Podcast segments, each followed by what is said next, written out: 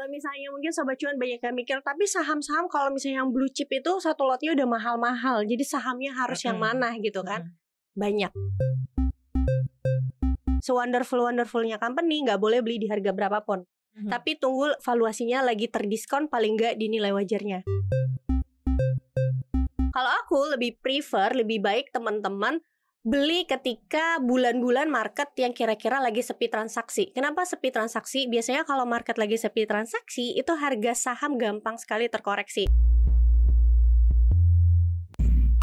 Paham pantauan saham.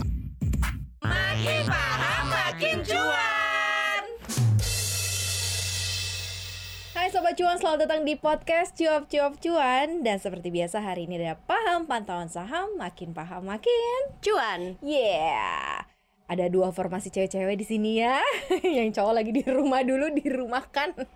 Senang sekali hari ini ada Maria Katarina dan juga ada Olivia Lewis, financial expert CNBC. Dan hari ini kita akan ngebahas soal seputar paham, pantauan saham ya Di mana uh, fanbase kita, teman-teman yang dengar pantauan saham ini udah tau lah mau ke mana arahnya kita bahas. Nah hari ini khusus untuk Sobat Cuan di mana pun berada tinggalnya di mana Yang sampai detik ini nih, Liv masih nanya soal kira-kira bisa nggak ya gue investasi saham, duit gue cukup nggak ya? Nah kita akan bahas saham-saham cocok untuk gaji UMR Atau yang gajinya upahnya minimum tapi sebenarnya bisa kok asal mau untuk investasi khususnya saham. Kita disclaimer dulu bahwa ini eh, gajinya standar Jakarta ya. Iya. Jadi kalau di Jakarta itu sekitar 4,4 5 juta. 4,5 ya. Di bawah under 5 juta paling tinggi kalau nggak salah di Bekasi sekitar 4,8 juta ya more or less sama sih ya under 5 juta di atas 4 juta. Bisa nggak? Jadi langsung gitu nanyanya gue. bisa dong ya. Bisa lah, pasti bisa. Tapi kalau misalnya gaji UMR itu kan berarti kita kalau misalnya ngikutin tips financial uh, planning Mhm. itu kan biasanya kita harus sisihin minimal banget 10% dari Betul. angka empat setengah juta tersebut untuk kita investasiin. Misalnya mau investasinya di mana? Oke di saham berarti 10%-nya itu minimum 450 ribu. Oke. Pertanyaannya duit 450 ribu tuh bisa beli saham gak sih Olive? Mhm. Bisa dong sobat cuan gitu kan. Mhm. Kalau misalnya mungkin sobat cuan banyak yang mikir, tapi saham-saham kalau misalnya yang blue chip itu satu lotnya udah mahal-mahal, jadi sahamnya harus yang Mm-mm. mana gitu kan? Mhm. Banyak. Banyak. Udah berhenti sampai di situ ya. Sahamnya harus yang apa? Banyak. Berarti screennya adalah screen keuangan dulu ya. Oke. income masuknya dulu kemudian dikeluarin 10% jadi sekitar 450 ribu kalau based on UMR nah dibelanjain apa aja di sini ya? Tetapi harus eh, stepnya berarti udah tahu ya bahwa uang yang bisa digunakan untuk a- atau idle money dalam tanda kutip untuk investasinya itu 450 ribu atau Yes. 10% dari income. Kita stick dari situ aja. Ada atau enggak nih? Sobat cuan dicek dulu ya. Hmm. setelah itu empat setengahnya itu eh harus dibelikan apa saham yang mana kan ada banyak nih ada yang tadi blue chip ada Hmm. yang growth posisinya ada yang eh, second liner Iya. atau yang pokoknya macam-macam deh ada yang lagi trafiknya lagi tinggi atau yang kayak gimana sebenarnya yang harus menjadi pendekatan teman-teman yang punya modal minim ini nih Liv. Oke, kalau aku benchmarknya adalah investasi, Hmm. berarti eh, kita pilih saham-saham yang memang layak untuk diinvestasiin ya. Siap. Jadi kalau misalnya modalnya 450 ribu per bulan, maka kita bisa beli contoh blue chipsnya adalah BBRI. Oke, di Siap. bank ada ya, di Iya, bank ada. di bank ya? ada. Siapa yang nggak tahu BBRI ya perusahaan ini ya wonderful company lah teman-teman. Yes. Nah kalau second linernya ada nggak sih? Mungkin kalau misalnya kita beli BBRI, aduh uh, Olive cuma dapatnya satu lot masa Hmm. setiap bulannya. Nanti kalau misalnya ada apa-apa average downnya tuh susah, gimana dong? Oke kita move misalnya cari yang second liner tapi yang bagus juga. Mhm. Bank ada juga nih. Misalnya yang kayak BJBR, BJTM. Oke. Bank daerah. Kenapa Hmm. ini bagus? Karena per dua perusahaan ini ya, kalau teman-teman tahu tahun 2020 aja even pandemi, itu laba bersihnya sama sekali tidak terganggu. Hmm. Hmm. Kenapa bisa gitu? Karena penyaluran kreditnya itu adalah mayoritasnya diberikan ke PNS. Jadi yang kasih SK gitu, Oke. yang di mana pembayaran kreditnya itu sudah dipotong dari gaji. Aman jadi Iya, ya. NPL-nya jadi NPL-nya aman, rendah, betul banget. Terus uniknya lagi, kedua bank daerah ini ya, selain performanya juga bagus dari sisi kinerjanya, bagi dividennya ro- royal, Hmm. ya. Itu kas-kasnya BUMN Iya. gitu ya. Jadi kita kalau misalnya mau cari saham yang investasi, pasti kan kita butuh yang namanya dividen. Jadi Mhm, dividen itu mhm. untuk apa? Untuk kita uang nunggu, Mhm. ya kan? Kalau misalnya harga sahamnya lagi nggak ke mana-mana, paling nggak kita tuh ada uang nunggu lah dari dividen. Nah, kalau BJBR BJTM setahun itu minimal bisa kasih dividen yield 7%. Mhm. Kalau Mhm. teman-teman belinya tapi nggak bisa di harga berapapun ya, balik lagi. Se-wonderful wonderfulnya company nggak boleh beli di harga berapapun. Mhm. Tapi tunggu valuasinya lagi terdiskon paling nggak di nilai wajarnya. Misalnya kayak BJBR, BJTM, tunggu pas PBV 1. Bisa dapat di bawah PBV 1 udah bagus banget gitu. Hmm, mhm. Bisa dapat harga di PBV 1 itu bisa kasih dividen yield 7%. Itu dua kalinya bunga deposito loh, Oke. ya. Tunggu di PBV 1 berarti kalau tiba-tiba PBV-nya naik jadi dua harus dilihat dulu atau kayak gimana nih untuk Kalau bisa- PBV maksudnya mau harus dijual dulu atau enggak? Aha. Oke, kalau misalnya lagi naik, nah ini tergantung teman-teman keperluannya seperti apa. Kalau misalnya memang keper- belum perlu uangnya dan belum mau pindah saham lain atau misalnya belum ada saham lain yang ada opportunity dalam artian belum ada saham yang terdiskon, Mhm. ya udah hold aja karena kan tetap dapat dividen. Hmm, oke. Ya, Oke. Tapi kecuali kalau teman-teman misalnya si BJTM BJBR-nya naik ke PBV 2 gitu ya, lagi Hmm. euforia. Terus teman-teman lihat nih, berarti kan teman-teman udah cuan kan?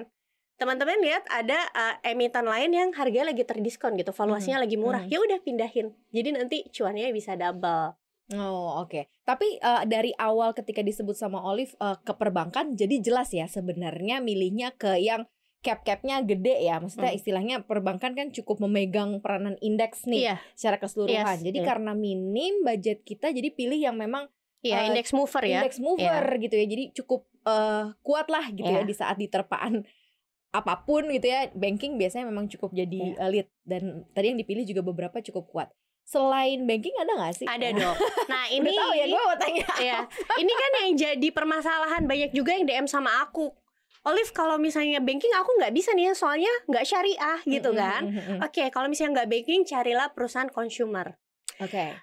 Eh, ciri-cirinya harus yang gimana? Kalau consumer udah pasti yang gross profit marginnya tinggi. Mhm, Gross mhm. profit margin tinggi tuh yang minimum banget 40% di atas itu lebih bagus. Kenapa? Oke. Karena perusahaan consumer yang punya gross profit margin tinggi itu biasanya brandnya itu terkenal, Mhm. punya brand yang kuat. Ya you name it. Hmm. Kalau di luar negeri ada Coca-Cola misalnya, Hmm, maksudnya hmm, hmm, brandnya hmm. sebesar itu. Ketika perusahaan consumer punya gross profit margin yang tinggi, berarti mereka biasanya punya pricing power, bisa nentuin harga jualnya. Betul. Ketika inflasi naik karena misalnya uh, logistik naik karena bahan bakar, bahan baku naik, mereka punya kemampuan untuk naikin harga jualnya Mhm, dan mhm. konsumen masih mau beli, Mhm. ya kan? Jadi Oke. bisa tetap ngasilin laba bersih atau net profit margin misalnya 10%. Kenapa pakai benchmark net profit margin 10%? Karena dua kali pertumbuhan GDP Indonesia. kan Oh, GDP iya, itu iya. kan sumbangan dari laba-laba setiap perusahaan kan. ya. Sama satu lagi mungkin rasio yang harus teman-teman perhatiin dua lagi deh. Hmm. ROI-nya harus tinggi di atas 10%. Iya. Yang kedua, hutangnya harus kecil. you name it siapa? Tapi kalau boleh dikasih contoh, Boleh, boleh. siapa? Misalnya contoh, dan jangan lupa yang bagi dividen ya. Kalau sekarang ada juga yang nggak consumer dalam artian retailing ya. Hmm. Retailing itu kan sebenarnya non cyclical, eh, consumer non cyclical juga kan bisa dikategorikan. Assets. Mumpung Oke. harganya lagi turun. Iya. access. Bagi dividen, gross profit margin tinggi, ROI tinggi, NPM tinggi. Mhm. Terus sekarang tuh lagi sibuk-sibuk krisis pangan. Mhm. Harga jagung lagi mahal ya. BC. Oke, BC internasional. Iya, BC internasional ya, bibit jagung. Mhm. Gross profit marginnya tinggi bagi dividen bahkan sekarang harga lagi terkoreksi. Jadi kalau di harga sekarang dividen yieldnya bisa sekitar 4,8% which is Mhm. good juga di atas bunga deposito. Terus ada lagi nih um, itu kan harganya murah-murah tuh. Mhm. Kayak ases Mhm. 700 Mhm. perak. Iya. Dalam artian untuk gaji UMR Ya satu lot ya ke Bali lah ya. betul. Kali 100 aja tuh berapa? Ases 1000, ada lagi CAMP. Oke. Itu es krim Es ya teman-teman, tapi karena Campina. Iya. Karena baru listing 2017 belum bagi dividen, tapi biasanya kalau perusahaannya bagus, nantinya ke depannya akan bagi dividen. Jadi ya sabar-sabar aja Hmm. gitu Ini ya. ber- ini jenis stok yang uh, growth yang masih bertumbuh ya. Yes. hmm. Dan powernya juga ada ternyata uh, di market beberapa. Nah, kan uh, persoalan orang-orang yang uh, gajinya UMR tuh ini harus kayak gimana nih gue maintain uh, investasi gue karena kan nggak nggak besar gitu ya. Kalau Hmm. masuk untuk trading juga nggak besar. Makanya tadi mindsetnya investasi. Nah kalau untuk investasi harus kayak gimana nih Liv? Uh, dollar cost averaging atau seperti apa gitu? Beli yang uh, beli di saham yang sama selama beberapa bulan? Karena kan duitnya segitu-segitu aja nih tiap bulan kan? Nah apa harus harus seperti apa menggunakan modal minim di 10% gaji UMR ini? Oke. Nah ini juga banyak yang jadi pertanyaan apalagi kalau masih pemula dollar cost averaging itu sebenarnya bagus nggak sih? Hmm. Hati-hati ya dollar cost averaging itu nggak bisa dipakai di semua saham IHSG. Hmm. Hanya saham-saham tertentu aja biasanya. Kalau aku lebih prefer lebih baik teman-teman beli ketika bulan-bulan market yang kira-kira lagi sepi transaksi. Kenapa sepi transaksi? Biasanya kalau market lagi sepi transaksi itu harga saham gampang sekali terkoreksi. Hmm. Contohnya bulan apa? Bulan Mei Hmm. sampai September. Karena itu musim panas, jadi eh, di di as, di luar negeri itu musim panas. Biasanya fund-fund manager asing itu ngurangin posisi mereka di Yes. market Hmm. karena mereka liburan. Kalau ngurangin posisi di market, artinya kan transaksi rendah ya. Hmm. Biasanya kayak gitu harga saham itu rendah. Nah, teman-teman bisa kumpulin dulu nih misalnya duitnya. Biasa kan juga suka dapat bonus ya. Eh, Hmm. Misalnya pas lebaran dan lain-lain kumpulin, Hmm, hmm, nanti hmm. belinya itu ketika dicicil bulan Mei sampai September tersebut. Makanya ada istilah wake me up eh apa when September's end. Yes, betul betul. Jadi mungkin itu jangan baru di ada- DCE tiap bulan Jangan tapi di setiap Mm-mm. bulan ya. Baru rally kali abis Mm-mm. itu ya wake me up eh, when September's end. Jadi sampai September terakhir Mei, udah sell in Mei, go away sampai Mm-mm. September ya. Pas lah ya. Ya, soalnya aku Minggu mungkin mau tambahin itu. dikit ya. Yes, yes. Kenapa jangan beli ketika market tuh lagi tinggi-tingginya? Contoh lagi window dressing. Mm-mm. Desember, Januari, Februari, Maret, April itu tuh bulan-bulan bullish. Yang pertama akhir tahun itu biasanya eh, udah keluar kan udah kelihatan gitu performa eh, perusahaan tuh seperti apa bagus atau enggak dan biasanya harga sahamnya tuh udah lagi nggak di bawah. Januari Februari itu udah mulai keluar laporan eh, kuartal 4 atau misalnya tahunan. Mhm. Yang kalau yang bagus-bagus harganya udah nggak mungkin di Ya, bawah. benar. Maret April udah bagi-bagi dividen. Apalagi perusahaan kalau menjelang bagi dividen harganya udah nggak mungkin di Ya, bawah. betul. Tidak. Jadi jangan sampai kalian cuci piring. udah dikasih tahu clue-cluenya masih cuci piring juga. Nah, Aduh gitu. ya. Yang penting ah, harus apa ya? Disiplin maintain gak sih? Nah ini yang Ya. paling penting ya. Ya, Harus gak sih disiplin maintain? Masuknya misalnya momentumnya udah tepat, modalnya kan udah tadi udah Hmm. dikasih tahu. Kemudian apa namanya cukup stick, cukup sedikit, nggak banyak-banyak lah Hmm. modalnya. Terus tadi eh, aktif di marketnya juga udah dikasih tahu eh, harus seperti apa cicil belinya. Nah maintainnya harus sering-sering nggak? Artinya harus cek nih bulan ini, bulan depan gimana? Ntar ini nih keluar dulu masuk yang ini bulan depan atau seperti apa sebaiknya? Kalau kita eh, fokusnya atau investasi nggak perlu, kita nggak perlu liatin market terus-terusan, tapi harus aware juga. Misalnya ya baca berita juga. Kita harus ngecek eh, perusahaan ketika ngeluarin laporan keuangan minimal tuh kuartalan ya, maksimal tuh tahunan. Terus harus lihat juga public expose-nya. Kenapa sih kita perlu lihat kuartalan? Sebenarnya kuartalan juga nggak jadi eh, penentu untuk Mhm. kita tambahin duit atau keluar dari market juga sih sebenarnya. Tapi ya untuk aware aja kira-kira on track nggak sih eh, penjualannya? Tetap bisa bertumbuh Mhm. atau enggak gitu. Terus apakah ada kendala atau enggak? Itu aja sih. Jadi Selama dia masih on track, Mhm. terusin aja investasi. Jadi tetap kita lihat sebenarnya untuk basic informasi kita sendiri juga Betul. sih ya. Nggak Hmm. bisa juga yang namanya investasi didiemin gitu Betul. aja juga tinggal bisa. tidur nggak bisa. Karena kalau misalnya kehilangan momentum kamu udah untungnya misalnya 50% kamu nggak ambil juga Yes, ya. Betul. for what you do investing ya Iya. kan? Karena memang kan harus ada Betul. maintaining juga.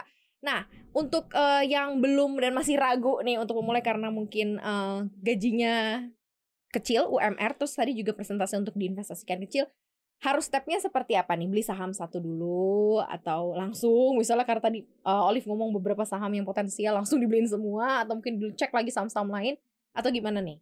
Oke, yang paling pertama kan pelajarin dulu ya perusahaannya. Oke, kalau udah tahu paling enggak garis besarnya model bisnisnya dulu gimana perusahaan itu menghasilkan pendapatan. Itu dulu deh. Kalau Mhm. itu udah tahu ya udah boleh lah pilih satu saham dulu. Sisa uangnya nih taruh parkir aja dulu di reksadana pasar uang. Nanti kalau udah Mhm. lebih yakin, udah lebih bisa, udah lebih paham sama perusahaannya baru tambahin pelan-pelan.